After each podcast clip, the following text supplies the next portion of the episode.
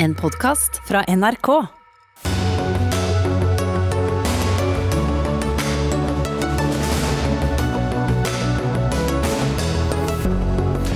Den norske Helsingforskomiteen utfordrer gjødselgigantens Yaras tilstedeværelse i Hviterussland. Må bli klare i sin kritikk av regimet, er kravet. Konsernsjefen svarer på direkten i Dagsnytt 18. Skam, æreskultur og skyldfølelse. En måned før valget slipper venstretoppen Abid Raja bok, men nevner knapt politikk. Her kommer politiet så fort vi har ladet bilen. Ingen nye diesel- eller bensinbiler skal kjøpes inn i offentlig sektor fra neste år, sier regjeringen. Frp frykter for liv og helse. Og SV bør ikke kalle seg et miljøparti når ikke de stiller et skikkelig oljeultimatum, sier MDG. Dette er et drøyt angrep som skader klimakampen, svarer SV. Ja, dette er eh, med noen av sakene i uh, torsdagens Dagsnytt 18. Jeg heter Espen Aas. I dag møtte den hviterussiske opposisjonspolitikeren Svetlana Tikhanovskaja representanter for den norske regjeringen. Mandag er det ett år siden det omstridte presidentvalget i Hviterussland. Et valg som er blitt kritisert og fordømt av både opposisjon og omverden. Og på en pressekonferanse nå i formiddag rettet Tikhanovskaja en varm takk til Norge for støtten i kampen mot president Aleksandr Lukasjenkos regime.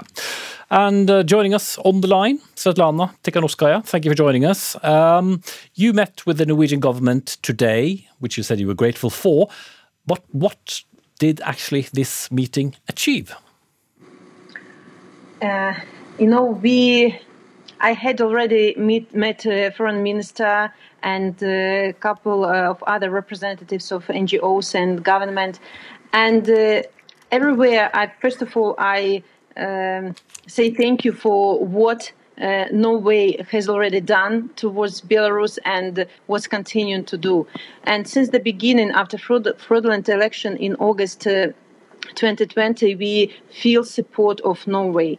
But uh, of course, so as uh, regime is escalating violence, we need uh, more assistance and more support from all the countries, including Norway. And uh, I'm sure that Norway um, is making their foreign policy based on values, common values, human rights, rule of law, and uh, they will continue, you will continue to support Belarusians in our fight. So, uh, yeah. Yeah, uh, I will get back to you shortly. I'm just going to translate some of what you said. Altså, Tikhanovskaja sier hun er veldig takknemlig for den støtten hun har fått i Norge, men uh, understreker samtidig at uh, situasjonen i hjemlandet, Belarus, som vi sier på engelsk, blir stadig vanskeligere, og hun trenger da, sammen med opposisjonen, en, en, en sterkere internasjonal fordømmelse og også hjelp. Tikhanovskaja, more than 35,000 critics of the regime have been arrested this year alone. How strong a message does the Norwegian and I suppose any other government need to send to your president? Maybe uh, the only message is that the crisis, humanitarian crisis, economic crisis that is going on uh, going on in Belarus now can be solved only through new elections because uh, last elections were fraudulent and people want to choose new president for our country because the previous one that uh, had led our country for 27 years already is illegitimate. He lost uh, his legitimacy. He is not our president anymore, but he is, with the help of violence and tortures, uh, cleaning up to this power. And uh, we want to choose our future, our safe future, a future where people uh, will uh, feel themselves in safeness, where people will have right to speak, to say, to choose, and you know this is what we are fighting for. Mm. Hun anerkjenner som vi vet, da det ikke valget, og sier at det som nå må skje i, i Hviterussland eller Belarus, er et nytt og, og legitimt valg. Lastly, if I may ask you for our Norwegian audience, how would you describe the conditions in which you operate under as a opposition party? Uh, No, as a matter of fact, we are not opposition party. Uh, we are majority of Belarusian people who are standing for the changes uh, in our country, and um, uh, we in difficult position now because. Uh, in our country, regime is uh, using violence uh, against its own people, people who want changes in our country, and we but Belarusian people are not giving up. For already for the whole year, uh, people are resisting. People are uh, fighting for our rights. Now, uh, in the uh, atmosphere of fear, uh, people building structures uh, on the ground. People help each other. People help political prisoners and their families. people organize new initiatives to um, fight this dictatorship. Uh, so many people had to flee the country because of the repressions, but they continue to fight in exile. Belarusian diasporas uh, were organized all over the world. Here in Norway, uh, we have wonderful Belarusians who every weekend go out for uh, demonstrations uh, and attract attention of Norwegian government to our problem. So Yes, yeah, so, so, sorry to interrupt. I just want to uh, uh, ask you very shortly uh, towards the end here. You're meeting with the Norwegian company Yara uh, tomorrow, which has a presence in, in Belarus. What will be your message? Yeah, uh, we are meeting to with Yara tomorrow, and uh, we want to talk about the cooperation of Yara and regime because we need this collaboration to freeze until changes in our country. We need Yara in the future when the rule of law uh, will prevail in our country. But now, uh, collaborating with regime means supporting violence uh, and uh, supporting tortures in Belarus. Thank you for joining us, Svetlana Tikhanovskaya, uh, on the line. Uh, da kan uh, vi rekke oppmerksomheten til gjestene våre i studio. Hun beskrev altså hvor vanskelig det er å være i opposisjon til et regime som ikke anerkjenner dem, og mye av denne opposisjonskampen har da måttet skje også delvis fra utlandet, samtidig som vi jo vet også det har vært mange demonstrasjoner hvor misnøyen med, med regimet er understreket. Men Ine Riksen Søreide, utenriksminister utenriksminister fra Høyre. Det er ikke så ofte dere inviterer opposisjonelle til Norge. Hvorfor har dere gjort det nå? Ja, vi har gjort det flere ganger før også, men vi mener det er viktig å støtte opp under demokratibevegelsen. Vi har eh, nær kontakt med dem og har hatt det over eh, hele det året som har gått siden eh, valget i Hviterussland i fjor. Og vi mener jo at den utviklinga vi har sett eh, i Hviterussland over dette året, bare har vist eh, for alvor at dette er et eh, diktatur så til de grader, og det blir bare verre. Det er nå veldig troverdige rapporter både om tortur, det å slå ned på enhver opposisjonstanke eller annerledes tenkende og ytring. Og vi ser selvfølgelig også at demokratibevegelsen har store utfordringer med å operere i landet. Vi har fra 2019 til i år eh, mangedobla støtten vår til det sivile samfunn, men vi opplever jo samtidig at det er vanskeligere og vanskeligere å få inn penger. Rett og slett fordi at begrensningene på eh, det å ta imot støtte fra utlandet er sterke.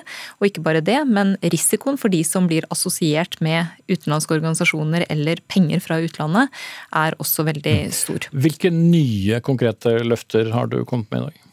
Det vi har diskutert i dag, er rett og slett hvordan vi best kan hjelpe. Og grunnen til at vi ønska å ha møte med Tikhanovskaja og hennes team i dag, er jo nettopp at fordi situasjonen har forverra seg såpass mye, så blir det også vanskeligere for oss å hjelpe. Vi har veldig god støtte og jobber godt gjennom norske organisasjoner som bl.a. Helsingforskomiteen.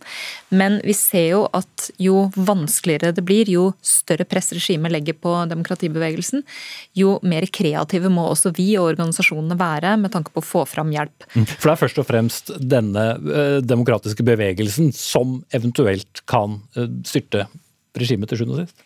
Ja, Det må jo til selvfølgelig en fortsatt eh, konsolidering og samling av demokratibevegelsen, men det opplever vi jo at de i stor grad har klart. Eh, så er jo vår veldig tydelige politiske linje både at vi har stilt klare krav til Lukasjenko både om å frigi alle politiske fanger, om å gjennomføre, eh, gjennomføre dialog med demokratibevegelsen for å få til frie og rettferdige valg, og stoppe volden. Det har vi sagt helt fra presidentvalget i august i fjor. Kanskje ikke hjulpet så mye? Nei, altså det, ikke, det, har jo ikke skjedd noen endring i positiv retning, men vi har jo også vært tilslutta alle restriktive tiltak fra EUs side helt fra starten. Vi finansierer undersøkelser av eh, tortur og menneskerettighetsbrudd, og det kommer vi til å fortsette med. Men det som er noe av dilemmaet vårt nå, er at når vi ønsker å hjelpe de som driver demokratibevegelse på bakken i Hviterussland, de som sitter fengsla, eh, så er utfordringa å nå fram med de midlene. Og da er den beste kilden vi har til informasjon, eh, både de norske organisasjonene som jobber i Hviterussland, men det er også demokratibevegelsen sjøl. Mm. Svein Tore Olsæter, du er konsernsjef i gjødselgiganten eh, Yara. Du skal eh, møte henne i morgen, som jeg sa i sted.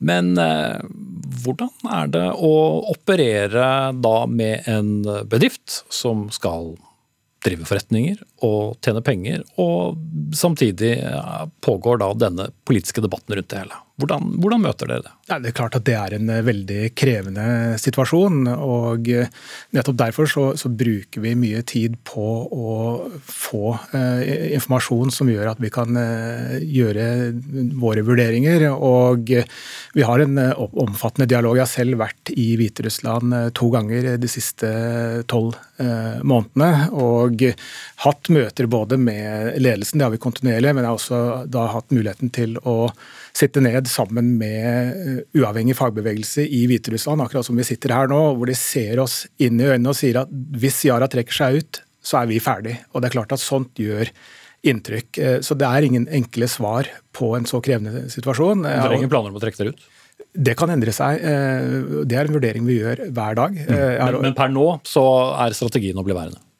Akkurat nå er det det, men det kan endre seg. og Jeg har et møte, har et møte med Tikhanovskaja i morgen. Jeg har hatt flere møter med henne på, på, video. Jeg ser frem til å kunne møte henne i person også, og fortsette den diskusjonen. Berit Lindemann, fagsjef i Den norske helseforskomité og leder av Øst-Europa og Sentral-Asia-avdelingen. Er det én ting dere mener, så er det at uh, Holsæter og Yara må bli værende. Hvorfor det? Vi mener mange flere ting enn det. Absolutt, men vi holder oss til det. uh, ja, altså Som menneskerettighetsorganisasjon så prøver vi å trykke på alle de knapper vi kan for å påvirke situasjonen i en positiv retning. Vi har en tett dialog med norske myndigheter, vi har dialog med andre myndigheter i, altså myndigheter i, andre land. Vi har et veldig stort internasjonalt nettverk som arbeider for å fremme menneskerettigheter. og Vi arbeider inne i landet, og vi har et stort mm. nettverk der. Men, men, men for å ta opp Yara igjen, hvor, hvorfor er ikke det det samme som en anerkjennelse av regimet å bli værende? Men du mener jo tvert imot at de bør være det. Ja, altså vi, vi, har, eh, vi mener også at dette er en vanskelig eh, et vanskelig spørsmål. Eh, men vi mener, vi ser at den uavhengige fagbevegelsen ønsker at Yara skal bli. Eh, vi er redde for at hvis selskaper som Yara, som faktisk har brukt sin stemme og sagt noe, hvis den type selskaper trekker seg ut, så er det verre selskaper som kommer inn og overtar de markedene. og og, og, til syvende og sist så er vi redde for at det hviterussiske folket blir stående i en dårligere situasjon enn de var før. Mm. Og så vet vi også at eh, dette kan endre seg. Vi har sagt at det går en linje, altså det går en strek. Og det er klart at nå er situasjonen eh, altså veldig veldig alvorlig. Og det er mulig at vi når, har nådd i den grensen ganske snart. Men, men Holsæter, hvor eh, vanskelig er den eh, balansegangen da, før regimet også kan si at eh, nå er dere en aktør i, eh, i en konflikt? Ja, og det, det er eh, jo stor usikkerhet rundt det, hva, hva, som vi må balansere i forhold til hvilken positiv påvirkning vi kan ha og, og, og fortsette med, med det. Og, og vi, vi, har da en, en, en daglig kontakt med eh, uavhengig fagbevegelse for å, for å, verifisere at det vi gjør faktisk har en effekt. Og vi, vi ser jo at uh, vi har hatt en positiv påvirkning. Siden april så har vi også hatt en fulltids Yara-ansatt i Soligorsk som jobber med sikkerhet ved Belarus Kali. Og, og vi har Som er det statlige kullselskapet? Ja. ja. og, og Eh, og Så må vi balansere det i forhold til hvor langt kan vi, kan vi gå. Men, men, vi føler at vi har, vi har, vært veldig tydelige. Vi har vært tydelige på på kritikk på brudd av menneskerettigheter, behovet for organisert arbeid, retten til å, å streike. og vi har også... Møtt med negative reaksjoner? Det er klart det. Og, og det at vi fikk Belarus Kali til å sende ut en pressemelding at de har gitt etter for press fra Yara og, gjen, og åpnet opp for å gjenansette ansatte som gikk ut i streik. Det er klart at det var nok ikke lett for de, men, men, men det er noen sånne ting. Om det er nok? Nei, det er ikke nok. Eh, men vi ser at vi med små steg beveger det i en retning, og så, og så blir det jo en vurdering om når når vi det punktet hvor det ikke ser at det her går an å fortsette. Ja, og Lindemann, du, du, var jo egentlig inne på det før jeg uh, tok fra deg ordet i sted. Hvor, hvor, går denne grensen for når uh, Yara fortsatt kan operere og ikke? Når vi ser at um, det ikke, ikke, har noen som helst positiv effekt uh, at eh, Yara er der. Eh, og vi mener jo at Yara har enda noe å gå på når det gjelder å være tydelige. Vi har f.eks. bedt dem å si åpent at eh, de krever løslatelse av politiske fanger. Eh, at, de, at streikeretten eh, blir gjeninnsatt i Hviterussland, og å kreve at hviterussiske myndigheter gjennomfører demokratiske og frie valg. Mm. Kommer dere til å si det? Vi har eh, løpende møter både med ledelsen i eh, Belarus Kali, og eh, vi har hatt flere møter med hviterussiske myndigheter også, og hvor jeg har tatt opp tema knyttet til fengsling av personer tilknyttet Belarus Kali. Så, så vi, vi, tar opp flere av de temaene, men jeg er helt enig. Vi, vi kan helt sikkert gjøre mer, og vi kan også snakke enda tydeligere og høyere om hva vi gjør, og, og, og hva, vi har, hva, hva vi har gjort. Søreide, staten er jo over en tredjedel eh, av, av eh, Yara. Hva mener regjeringen Yara bør gjøre? Det er jo helt opp til styret å vurdere både hvor Yara skal være til stede og under hvilke forutsetninger, men jeg syns Solsæter gjør veldig gode refleksjoner her og belyser de dilemmaene Yara og andre står i veldig godt. Norske myndigheter har jo en veldig klar forventning til alle norske selskaper, uansett om det er statlig eierandel eller ikke, om at de både skal eh, respektere og følge menneskerettighetene og arbeide aktivt for dem. Eh, og det opplever jeg jo også at er en veldig vesentlig del av de vurderingene Yara gjør, og så må styret da ta sine sine beslutninger og vurderinger, og jeg er ikke et øyeblikk i tvil om at det er både vanskelige beslutninger, men at det også er løpende vurderinger eh, Yara gjør. For det er klart at eh, det er en eh, vurdering som også Lindemann er inne på, når man kan si at det ikke lenger har en positiv effekt med, med de tiltakene man gjør og tilstedeværelsen man har. Men samtidig er det altså store deler av demokratibevegelsen som også veldig tydelig sier fra at de mener alternativet til at Yara er der, er verre. Så dette er ikke svart-hvitt. Det er belagt med veldig mange dilemmaer, og jeg tror at det Holsæter her får fram eh, på en veldig god måte belyser eh, både den, de vurderingene eh, Yara gjør og må gjøre, og ikke minst de forventningene som ligger på et stort selskap som Yara. Mm. Vi setter strekk der, og så er det altså møter mellom Yara og opposisjonspolitikeren i, i, morgen. Takk til Ine Eriksen Søreide, utenriksminister fra Høyre, Berit Lindemann fra Helsingforskomiteen og Svein Tore Holsæter, konsernsjef i Yara.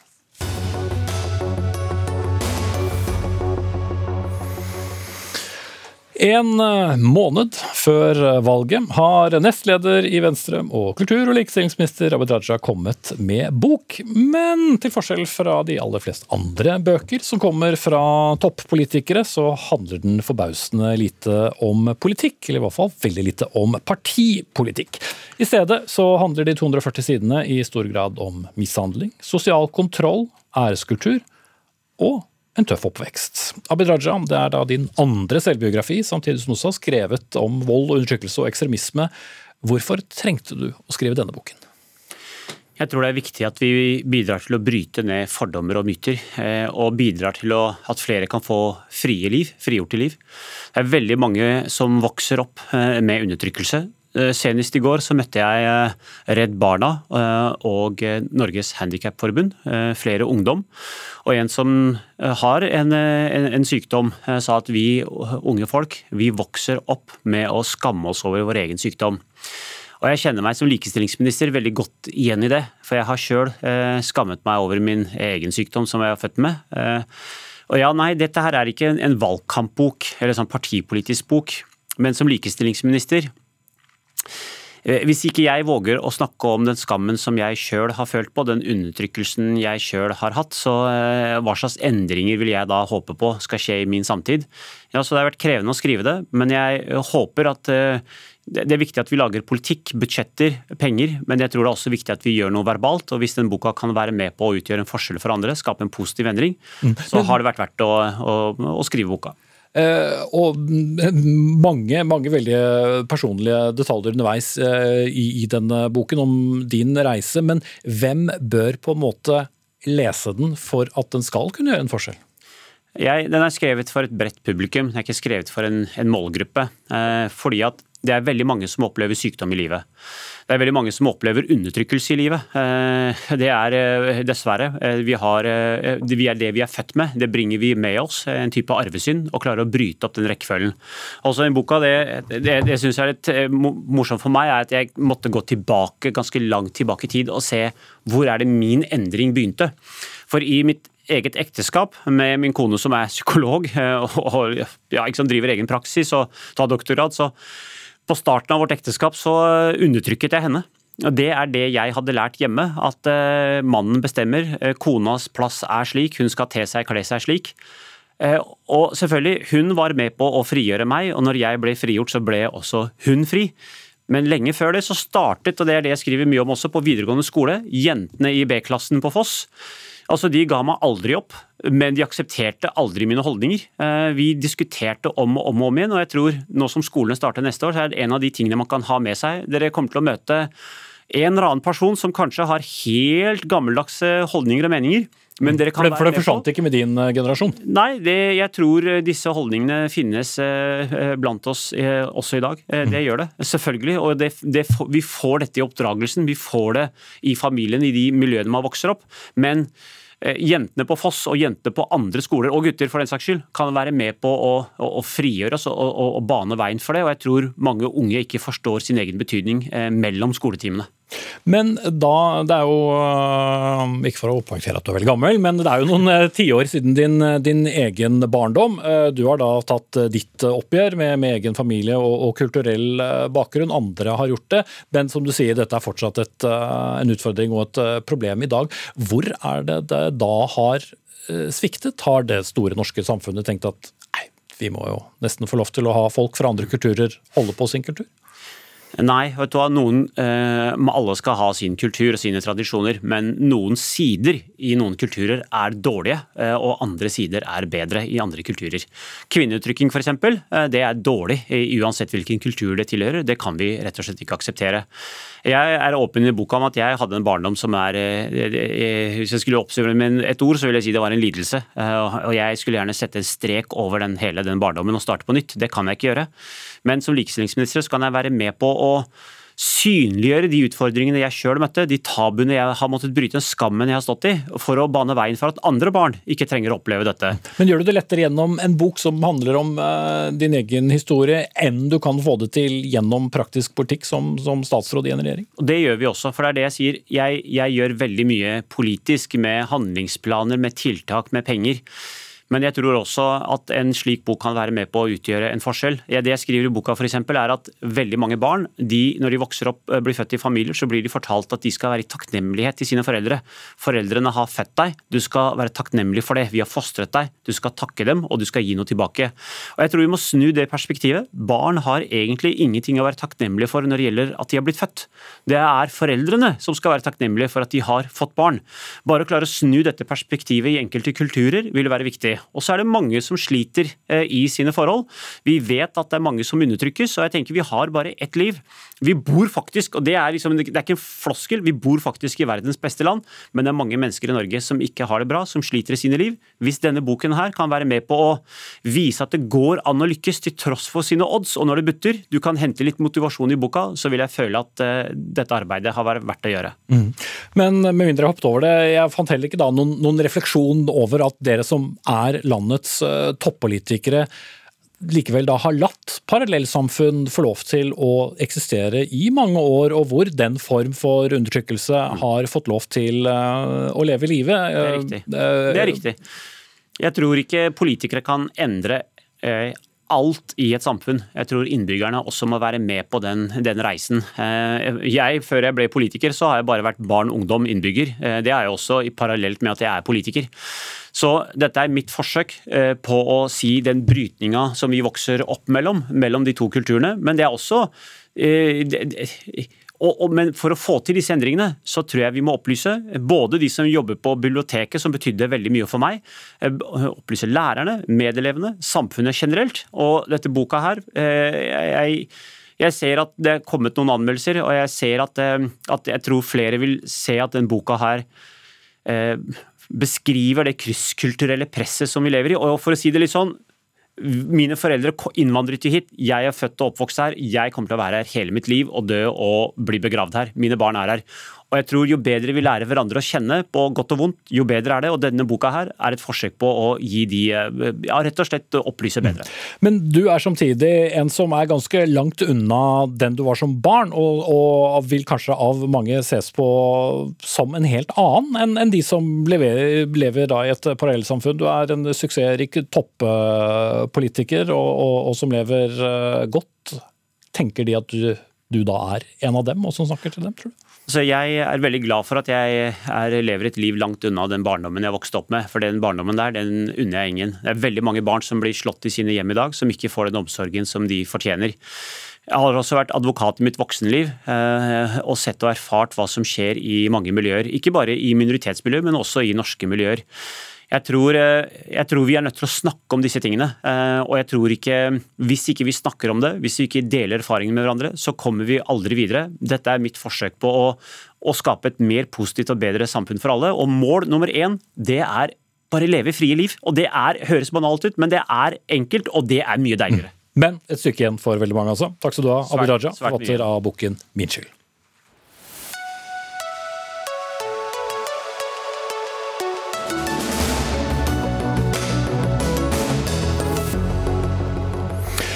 Gladnyheten om rekordhøye søkertall til høyere utdanning ble avlyst av en dårlig nyhet om for få studentboliger. Hva som bør gjøres, det debatterer vi mot slutten av sendingen. Men nå. Fremskrittspartiet vil sette bremsene på, i, på regjeringens nye planer om at ingen nye fossilbiler skal kjøpes inn i offentlig sektor, kunne TV 2 fortelle i dag. Det kom som et svar på regjeringens pressekonferanse om tematikken. Ketil Solvik-Olsen, nestleder i Fremskrittspartiet. Fossilbiler skal fases ut innen 2025. Det er målet. Er det ikke da bra å begynne med offentlig sektor? Jeg har ingenting vondt å si om elbiler. Eh, batteriene er kanskje ikke så miljøvennlige som vi tror, men jeg tror faktisk at teknologiutvikling vil gjøre at de òg blir bærekraftige og mye mer effektive. og i løpet av sannsynligvis dette tiåret så vil elbiler ut av fabrikk være bedre og billigere enn bensin- og dieselbiler. Men du vil ikke ha dem inn i offentlig sektor? Jo, det vil jeg òg. Men det som er kritikken fra Fremskrittspartiet, det er ofte at i, spesielt i valgkamper så begynner politikerne så skal de overby hverandre med ambisjoner om årstall og lignende, uten at en tenker på hva koster dette, og ikke minst er det praktisk mulig på nåværende tidspunkt. Og Det er det vi reagerer på. Jeg syns det er bra at en tar i bruk elbiler i hjemmehjelp, i en del lokale tjenester og lignende, men dette er altså et stort, langstrakt land vi bor i. Du skal ha eh, utrykningstjenester f.eks. òg i Finnmark, på Svalbard og lignende, som fungerer uavhengig av vær og vind.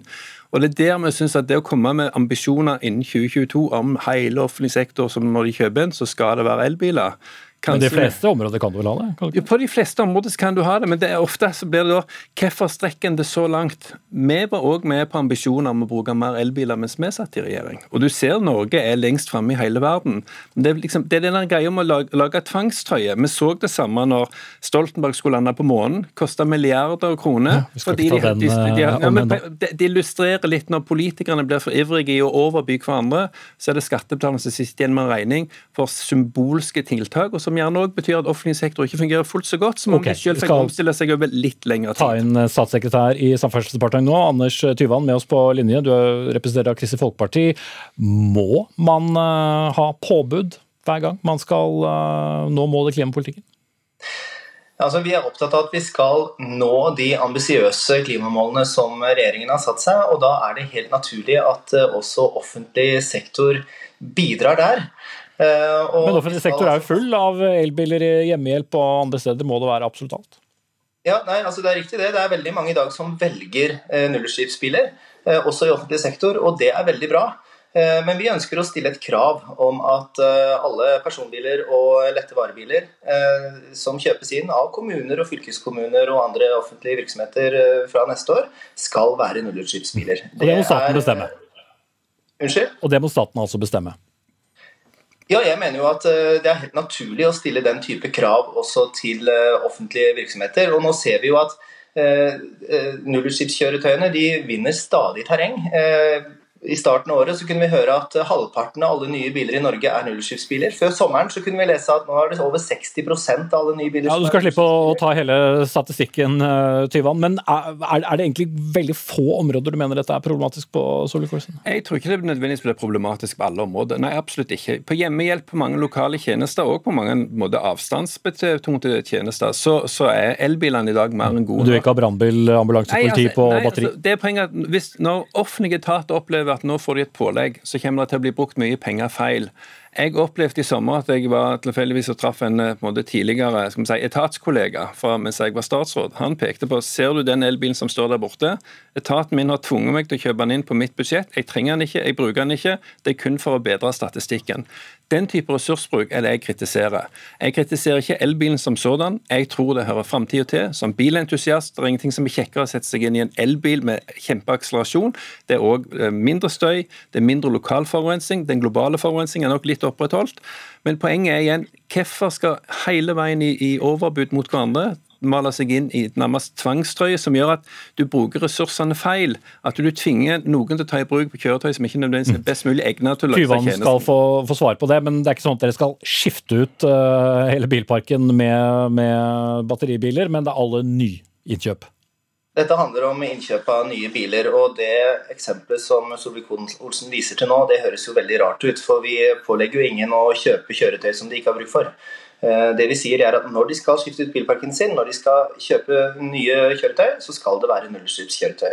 Og så opplever vi vel også at Solvik-Olsen konstruerer en problemstilling som eh, ikke er eh, reell. og Det handler jo om nettopp utrykningskjøretøy og, og den type ting. Fordi Vi har også sagt at det er ikke på alle områder at det egner seg med nullutslippskjøretøy per i dag. Og Derfor så har vi også foreslått et unntak. Eh, for vi vil ikke sette liv og helse og sikkerhet på spill. Og vi skal absolutt ikke komme i en situasjon der en pasient ikke kommer seg raskt nok til sykehuset fordi sykebilen må inn og lade. Okay. Så det er ikke det vi snakker om. Men veldig mange biler i offentlig sektor Eh, kan være nullutslippsbiler, og veldig mange offentlige virksomheter velger allerede i dag. Mm. Ja, og Det, og det syns jeg er kjempebra. Men, men, det du kritiserte var egentlig pengebruken, og det svarte du vel ikke på, Tyvan. Er det, er, er det da god bruk av skattebetalernes penger? En god bruk av skattebetalernes penger. altså Det å kjøpe et eh, nullutslippskjøretøy det er jo veldig ofte mer lønnsomt og mer økonomisk fornuftig enn å kjøpe en fossilbil i dag. Eh, så jeg ser ikke helt det problemet. Det er ikke snakk om at vi bruker veldig mye penger på å, å, å innføre dette, men dette vil både være et økonomisk gunstig valg for veldig mange offentlige virksomheter. Og ikke minst så vil det bidra til at vi når klimamålene. Bare konstruert problemene, Solkorsen? Nei, nei, men vi skal, ikke, vi skal ikke overdrive avstanden mellom oss heller, fordi at jeg òg er for elektriske biler. Som sagt, Det jeg er opptatt av, det er den tvangstrøya som en tar på seg når en begynner å sette masse årstall og inn, inkludere uh, sektorer der gjerne bilene ikke er helt på plass i dag. Men det er et faktum at i statlige etater så står det elbiler som ikke blir brukt, fordi at de er mer opptatt av å oppfylle måltall enn fordi at de ser på hva som er reelle behov. Og Det er det som er min bekymring etter å ha vært statsråd selv i fem år. At jeg ser hvor pliktoppfyllende både, både statlige etater og embetsverk er. Hvis en politisk signal sendes ut om at nå skal det være nullutslippsbiler, så kommer ikke økonomi til å være i prioritet. Eh, ikke nytte nødvendigvis heller fordi at nå handler det om å gjøre det politikerne har sagt. Og Der burde vi vært mer moderate når han eh, allikevel skal gå i riktig retning for framtida parkerer diskusjonen der. Dere var ikke fryktelig uenige, men litt var det. Ketil Solvik-Olsen, nestleder i Fremskrittspartiet, og Anders Tyvand, statssekretær fra KrF i Samferdselsdepartementet.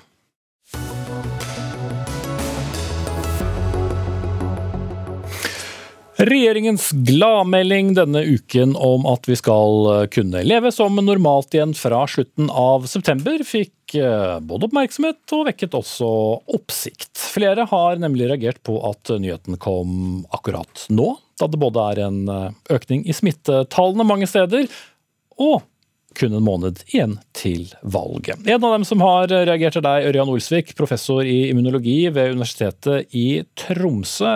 Hva er det du først og fremst reagerte på? Nei, Først så vil jeg gi et positiv kreditt til, eh, til måten som regjeringa har kommunisert på. De har hatt to fagfolk ved siden av to eh, fra, fra regjeringa. Og hele tida har dette vært en faglig tyngde i, eh, i, i kommunikasjonen.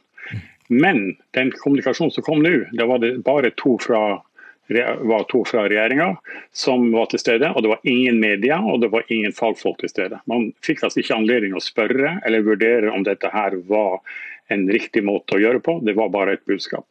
Et valgkamputspill? Det ikke var helt ok. Det er ikke min eh, jobb å konkludere om politiske ting, men faglig sett har vi hatt mye bedre av å ha en diskusjon om dette var fornuftig. For det er store spørsmål å stille rundt dette med å åpne for åpen skole og grønn skole når vi har en epidemi som er i økning, med et virus som vi ikke fullt ut kjenner, og som er veldig smittsomt. Mm. Sariba Andreas Korkung, statssekretær i Helse- og omsorgsdepartementet fra mm, Høyre. Var det et valgkamputspill? Nei det var det ikke. Hvorfor og, var det ikke helsemyndigheter med på pressekonferansen? Det intervjuet som Intervjuet til VG. Ja, intervjuet som statsministeren og, og, helseministeren hadde, eh, det var bl.a. basert på eh, oppdateringen av strategien mot covid-19 og handlingsberedskapsplanen vår, som vi la frem 5.7. Der la regjeringen frem, etter råd fra Helsedirektoratet og FHI, på en pressekonferanse hva som skjer etter trinn 4. Altså hva skjer når vi er ferdig med gjenåpningsplan trinn 4. Men det eh, fremsto som litt av en gladnyhet? Ja, det, det er absolutt pandemien. en gladnyhet. Fordi eh, når eh, alle voksne i Norge har fått tilbud og mulighet til å bli fullvaksinert, da er befolkningen i stor grad beskyttet. Eh, allerede etter én dose, når det har gått tre uker etter en dose, så er man godt beskyttet mot alvorlig sykdom, også mot delta-varianten. Når man har fått andre dose, og det har gått en uke etter der igjen, altså man er fullvaksinert, så er man også godt beskyttet mot videre smitte. Mm. Men det, det sprer seg, på, og det sprer seg også blant fullvaksinerte? Det eh, sprer seg i mye mindre grad blant eh, fullvaksinerte. Eh, men sprer seg? Men det kan spre, spre seg absolutt, men i mye mye mindre grad. Og Det ser vi fra andre land. Eh, så Det de sa i intervjuet, var jo egentlig at det er to milepæler fremover. Når alle over 18 år har eh, fått muligheten til å bli beskyttet. Det skjer i månedsskiftet august-september, ifølge FHI sin vaksinasjonskalender. Den kalenderen har ligget ute i tre uker allerede. Eh, og, eller to-tre uker. Og når da alle er fullvaksinert, hadde gått en uke. og Det er sånn et sted i siste halvdel av september. Så det var jo det de pekte på, at når det skjer, da vil vi kunne åpne opp landet igjen, og alle innenlandstiltak vil kunne bli fjernet. Mm. Men tror du ikke de får rett, Olsvik? Nei. Nei, Hvorfor ikke? Fordi at eh, den, den gruppa som nå skal slippe løs, nemlig de unge, de er overhodet ikke vaksinert. Og det, De under 18 er, en veldig viktig gruppe. De er veldig bevegelige på seg. De har uh, mye kontakt, og de kommer til å få dette viruset. Og de vil bli lite syke, det vet vi også. Men de kommer hjem til en, en, sine foreldre som er i alderen 25 til 40. Altså, det er den absolutt største uvaksinerte voksenpopulasjonen vi har. Og Derfor vil det spre videre. Vi har også en situasjon nå hvor vi i løpet av en kort, kort tid har gått fra eh, veldig få smitta til å ha over 600 smitta på enkelte dager. Mm. Vi har en ukontrollert situasjon, og i den situasjonen syns jeg det er uansvarlig, uten en veldig god risikovurdering om dette med å la barn bli, bli, bli, bli smitta. Mm. Uansvarlig, ukontrollert, og jammen kom det mens vi sitter her og snakker sammen, en melding om at deler av trinn 4 i gjenåpningsplanen deres kan bli utsatt eh, på nytt. Kanskje ikke det blir så mye gjenåpning som man hadde håpet? Det er klart at det, det, det, er økende smitte nå, men vi ser, altså hadde dette skjedd for ett år siden, uten at så utrolig mange i Norge var vaksinert, så hadde vi jo stengt ned landet, sannsynligvis for lenge siden. Men vi ser jo internasjonalt, fra land som har både vaksinert flere enn oss, men også har eh, hatt delta-varianten mer dominerende tidligere, at heldigvis så gir ikke de store utslagene i smitte like store utslag eh, på sykdomsbyrd, sykdomsbyrde, altså sykehusinnleggelser. Men, men, men som Olsvik poengterer, eh, barna er jo ikke vaksinert. Dere skal komme med en vurdering om i hvert fall de eldste barna skal få en uh, vaksine. Men hvis ikke vaksinen kommer til deg og meg, så går den jo et annet sted, og da er vel barna FHI vurderer nå eh, om 16- og 17-åringer eh, skal eh, få tilbud om vaksine. I tillegg så ser de også på ned til 12 år, for de vaksinene vi har i Norge de er godsendt ned til 12 år, ikke under det. Og så er spørsmålet da, hvis vi nå f.eks. ikke vaksinerer de yngste barna, skal vi da stenge samfunnet, skal vi stenge skoler, skal vi ha restriksjoner på hvor mange man kan ha på besøk hjemme i evig tid? Eller vente til eventuelt vaksine blir godkjent for disse? Og svaret. Og svaret på det må jo være nei, mm. fordi det er ikke forholdsmessig. For det å stenge ned landet som vi har gjort tidligere, har vært veldig viktig det siste halvannet året. Etter hvert så er ikke det forholdsmessig, og de negative effektene ved det vil være større enn eventuelle negative effekter ved covid-19. Mm. Men som statssekretær da i Helse- og omsorgsdepartementet, kan du da bekrefte uh, meldingen fra NTB som kom nå 1833 for sju minutter siden, deler av trinn fire i regjeringens gjenåpningsplan kan bli utsatt på nytt? Jeg har ikke sett den saken, eh, så det kan jeg ikke si noe om. Men jeg anbefaler alle å følge med på pressekonferansen i morgen 12.30. Mm. Men sitter du med opplysninger som kan tyde på at uh, gjenåpningsplanen uh, del fire kan bli utsatt? Jeg vet veldig mye som, som ikke er offentlig ennå, men jeg kan verken bekrefte eller avkrefte det NTB sier jeg. Så jeg har ikke sett det. Mm. Eh, eh, Olsvik, det kan jo hende du får rett nå ut fra den uh, meldingen som NTB sendte ut. Men, men hva, hva, hva, er det du mangler, føler du, i, i kommunikasjonen fra regjeringen, også statssekretær Korkunk her? Vi har hørt forferdelig lite både fra Folkehelseinstituttet og fra Helsedirektoratet. Og et av mine spørsmål er når hadde man en konferanse med Helsedirektoratet og Folkehelseinstituttet om dette og ga dem sin fulle tilslutning til en fullstendig gjenåpning av barn som er uvaksinerte. Mm. Kan du svare på det kort og slutt? Eh, den, eh, altså strategien og beredskapsplanen som vi oppdaterte da 5.7, den var basert på svar fra Helsedirektoratet FHI. Og ellers så har vi selvfølgelig kontakt daglig med FHI og Helsedirektoratet veldig tett. Men meldingen som kom denne uken var altså først og fremst basert på ting vi visste for over en måned siden. Det var den. Og den fikk dessverre litt lite oppmerksomhet. Jeg må si jeg koste meg veldig med å oppdatere strategi og beredskapsplan hele det arbeidet, men det var ikke så mange som fikk det med seg. Men det fikk de med seg i hvert fall nå, eh, som følge av det intervjuet. Mm. Så får vi se uh, hva slags uh, opplysninger dere kommer på pressekonferansen i morgen, om uh, den da vil få konsekvenser for gjenåpningsplanen. Takk til Saliba Andreas Korkunk, statssekretær Helse- og omsorgsdepartementet fra Høyre, og Ørjan Olsvik, professor ved Universitetet i Tromsø.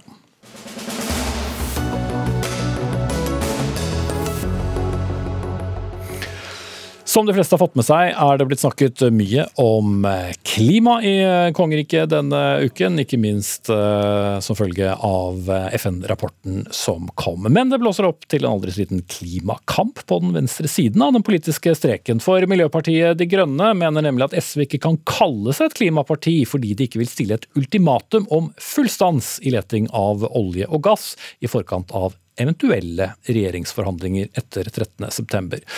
Og som nevnt, tidligere denne uken kom altså FNs klimarapport, hvor FNs generalsekretær kom med en klar oppfordring om nettopp å skru igjen oljekranene. Og Arild Hermstad, fungerende leder for Miljøpartiet De Grønne, med oss på linje fra Vestlandet. Du sier til Dagbladet at SV seiler under falsk flagg. Hvorfor så sterke ord?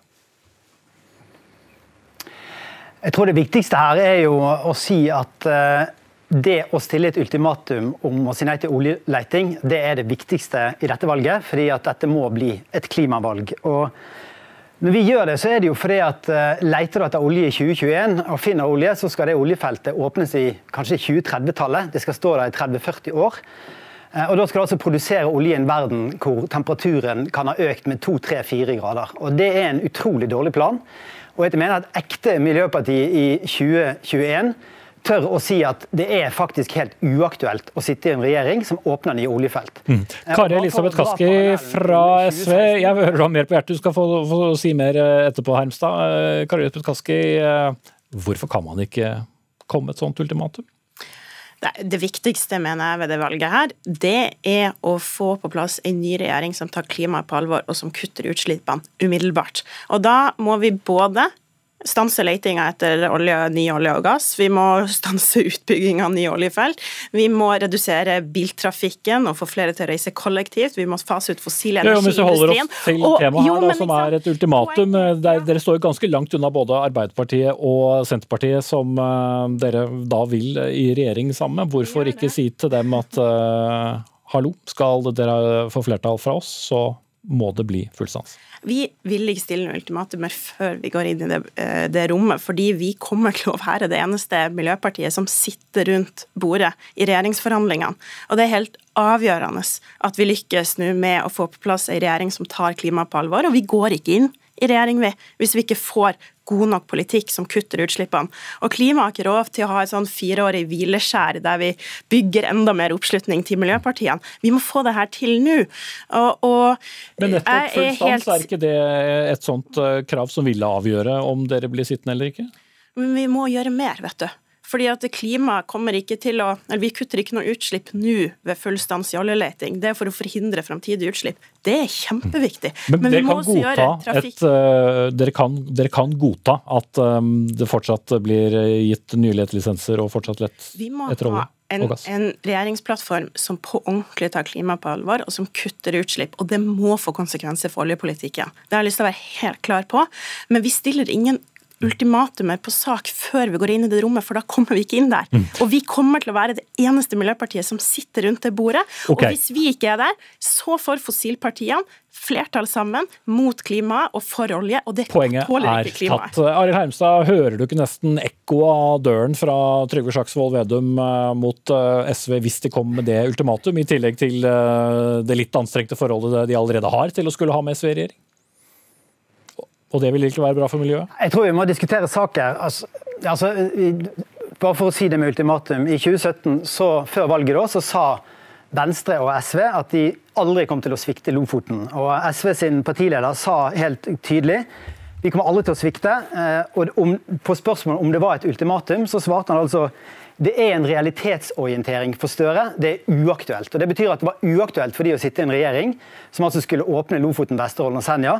Og Det vi egentlig inviterte SV og Venstre og to andre partier til før ferien eh, i vår, det var kan dere bli med nå sammen med oss og si det samme i 2021 om videre oljeleting. Men er ikke det viktigste hva slags resultater som kommer ut av en eventuell ny regjering? Og eh, slik sett så er vel SV det partiet du er mest enig i klimapolitikken til? Ja, og Det var derfor jeg er mest skuffet over at ikke de kunne bli med i en sånn allianse. Fordi at Hvis vi hadde faktisk vært tre partier som alle tre har muligheten til å komme på vippen i norsk politikk, som sier at for oss er det uaktuelt å sitte i en regjering som åpner nye oljefelt. Ja, så ville verken Erna Solberg eller Jonas Gahr Støre kunne danne en regjering som har tenkt å gjøre det. Og det er jo... Spørs på valgresultatet. Svar på det, Kaski. Vær, vær skuffa, Hermstad, over Arbeiderpartiet, Senterpartiet, Høyre og Frp. For det er de partiene som har flertall på Stortinget, som vil fortsette tut og kjøre i oljepolitikken. Og de har et historisk ansvar for de klimagassutslippene som vi har i dag. Vær skuffa over de. Og så må vi sammen mobilisere flere klimavelgere og reduserer de partienes oppslutning og blir større sjøl, sånn at vi får gjennomslag på sikt. Men jeg mener at som SV-er så har jeg et plikt og et ansvar å bidra til at vi får en politikk nå som faktisk kutter klimagassutslippene, for det trenger vi så enormt mye. Og det er det som er vår oppgave. SV går ikke inn i regjering hvis vi ikke kutter utslippene og reduserer forskjellene. og det er vår lovnad. Og da, da, kommer vi til å måtte gjøre så ufattelig mye mer. Vi kommer til å måtte gjennomføre så mange klimatiltak for å lykkes lykkes med det. Og da blir vel et sånt ultimatum bare ett symbol, Hermstad? Nei, Poenget er jo det at hvis vi setter dette ultimatumet først, så kan vi begynne å diskutere også andre klimagasstiltak. Hvordan vi skal kutte andre tiltak. Og det er jo dessverre sånn at både SV og Venstre de siste 16 årene har sittet i regjeringer som har åpnet utrolig mange nye oljefelt, som ikke har klart å kutte klimagassutslippene i det hele tatt, og som heller ikke tør å virkelig si hvor grensen går i 2021. Og jeg mener at ekte miljøparti i 2021 kan ikke la oljeutslippene, altså klimagassutslippene fra oljenæringen og bare late som om det ikke det er en utrolig mye større elefant i rommet enn alle de andre elefantene. Det var ikke mye tiltro til deg og partiet ditt, Kaski? Nei, og det er jo altså eh, Til tross for at det var SV alene som måtte kjempe gjennom både elbilsatsinga, vi har kjempa gjennom regnskogsatsinga, veldig mye av den jernbanepolitikken som den rød-grønne regjeringa førte. Og det er klart, lista er lang, men den kommer til å måtte bli enda mye lengre med den neste rød-grønne regjeringa. Vi er helt enig i det, og vi er helt enig i at det må få konsekvenser for oljepolitikken. Det ber jeg om å bli trodd på, og så må vi sammen virkelig jobbe for å få flere klimavelgere. fordi så lenge fossilpartiene har flertall, så vil vi alltid ligge bakpå. Så nå må vi bare gjøre en innsats i valgkampen. Er det stor forskjell på SV og MDGs miljøpolitikk? Nei, det mener jeg at det ikke er. Vi er jo ganske enige i miljøpolitikken. Og så, og så vil SV i tillegg redusere forskjellene og, og, passe på at vi ikke glemmer de 120 000 fattige ungene samtidig som vi løser klimaproblemet. Er det stor forskjell på MDG og SVs miljøpolitikk? Ja, altså ja, den store forskjellen er jo selvfølgelig at vi kan ikke stole på at, eh, at, SV ikke vil gjøre det til et forhandlingskort og forhandle vekk klimaløsning. Ok, men Det har du poengtert mange ganger, så da setter jeg rett og slett strek. Arild Hermstad, nestleder i Miljøpartiet De Grønne, Kari Elisabeth Kaski, stortingsrepresentant fra SV.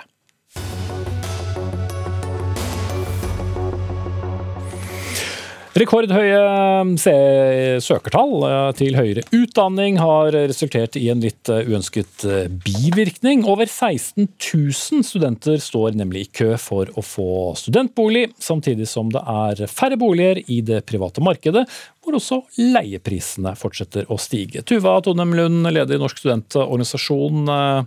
Burde alle som vil ta høyere utdanning få tilbud om en bolig? Vi mener jo at tak over hodet bør være en av forutsetningene man, eh, man, har for å bo i Norge, for å leve i Norge, og at alle studenter bør ha en trygg og god bolig.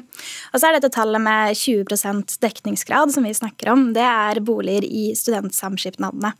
Og det er der det nå står 16 000 studenter i kø. Det er 16 000 unge mennesker som skal flytte hjemmefra, ofte for første gang, som nå ikke aner hvor de skal bo. Studiestart er i disse dager. De må ut på det private leiemarkedet. De, de vet ikke noen ting om hvordan hverdagen ser ut. Mm. Og I nettavisen Krono så kritiserer du da eh, regjeringen, eh, for de har riktignok, som du sier, levert på tilnærmet alt dere har bedt om, men det mangler åpenbart noe? Det, det, gjør det. En av de tingene vi skulle ønske kom inn, i tillegg til regjeringen har bevilget veldig mye penger nå, de pengesummene vi har bedt om, har også levert på veldig mange av de rammevilkårene vi trenger. En av de tingene vi savner nå, er at arealer til studentboliger kommer inn som et eget areal i arealplanleggingen. Mm. Det vil jo ikke eh, rekke å endre så mye fram til mandag, men, eh, og ikke kom noen fra regjeringen heller, for så vidt. Men eh, du fikk gleden av å representere dem. Mathilde Tybring-Gjedde, stortingsrepresentant fra regjeringspartiet Høyre. Hurra med høye søkertall, vet jeg dere synes, men tenkte dere ikke på at de skulle hatt sted å bo? Jo, altså jeg er jo veldig glad for at det er mange som har lyst til å være studenter i Norge. Vi trenger flere lærere og sykepleiere og folk i IKT og andre næringer. Eh, men det er klart at det betyr at vi må fortsette det store løftet vi har hatt på studentboliger. Eh, vi har jo doblet innsatsen fra forrige regjering, og eh, det er jo nå over 17 600 flere studentboliger det er blitt bevilget penger til.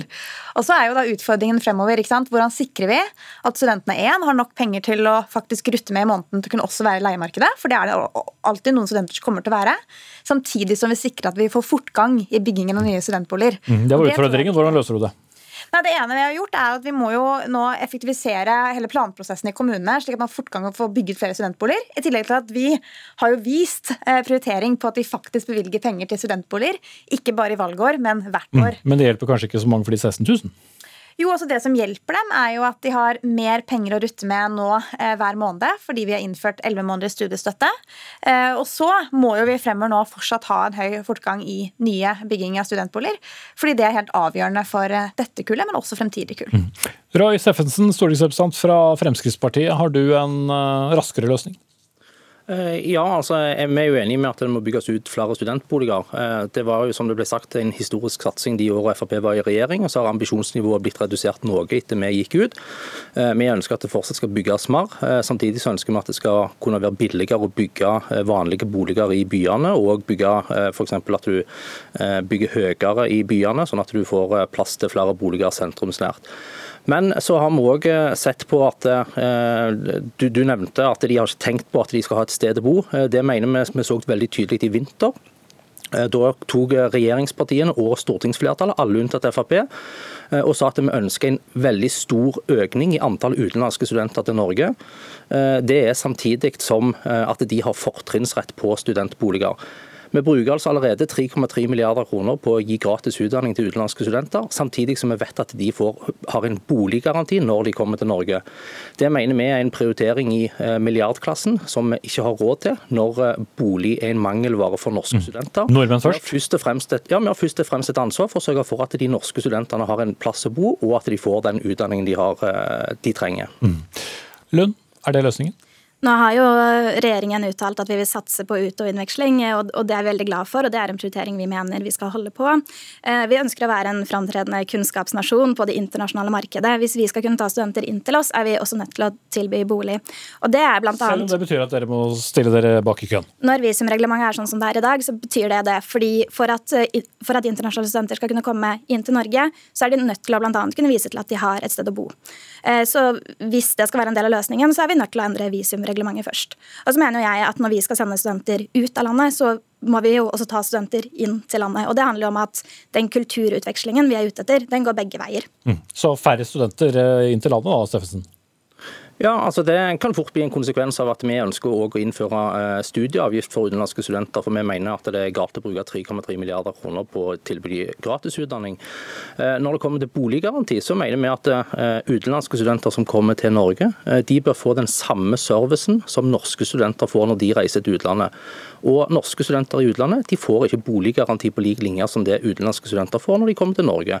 Det bekrefter bl.a. studentorganisasjonen for norske studenter i utlandet, ANSA, som sier at det de får flest henvendelser om fra norske studenter, er hjelp til å skaffe seg bolig i utlandet. Vi mener at det er råflott eh, at vi skal tilby bedre service til utenlandske studenter i Norge enn det norske studenter får i utlandet. Men det blir jo veldig vanskelig ut fra visumreglementet, hvis ikke du kan vise til noe sted å bo? Eh, ja, men da må vi jo se på hvordan vi, vi løser det. Om det er praktisk mulig å gjøre at du kan vise at du har studieplass, at du har tenkt å studere, at det da fortsatt er mulig å komme inn til landet eh, uten at det eh, går på bekostning av at du, du får forrang i køen for å få studentboliger. Altså, det er studentene, velferdstingene, som avgjør eh, hvilke kriterier de vil ha for tildeling av studentbolig. Og det er jo fordi at eh, Da Frp og Høyre også var i regjering, så ønsket vi å flytte makten ned til studentene. Eh, vi, vi bevilger veldig mye penger til studentboliger, og vi stiller jo krav om at de skal brukes til studentboliger og ikke noe annet.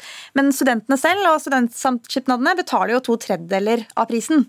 Eh, sånn at eh, Spørsmålet liksom, Steffensen må vurdere er mener han at han skal liksom, forby universiteter og høyskoler og velferdstingene å vedta dette. Eh, og i så fall er det på Stortinget vi skal vedta liksom den kriterielisten.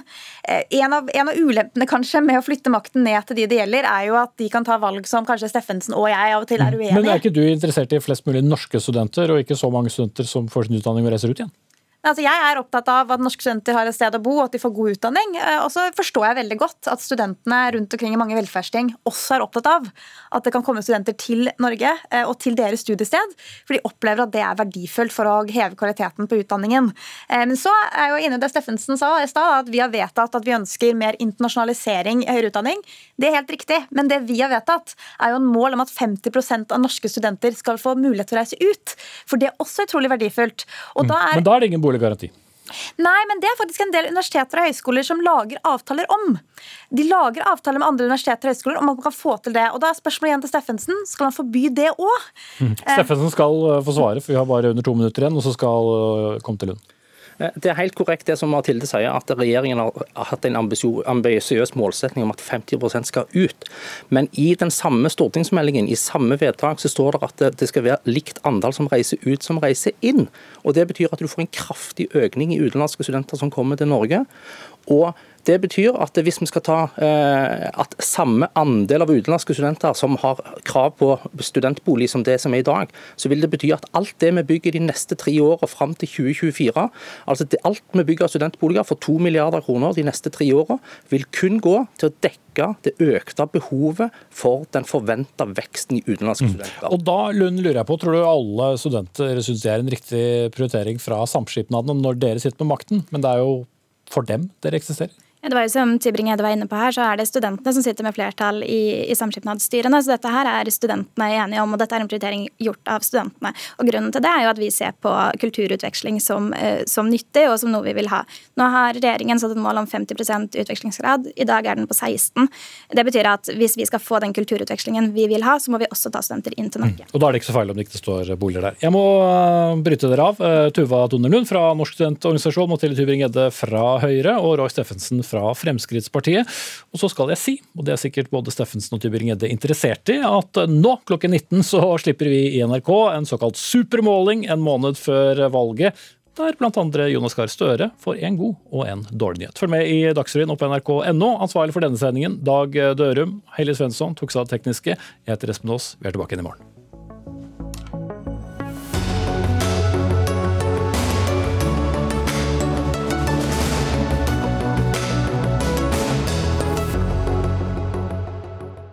Du har hørt en podkast fra NRK. Hør flere podkaster og din NRK-kanal i appen NRK Radio.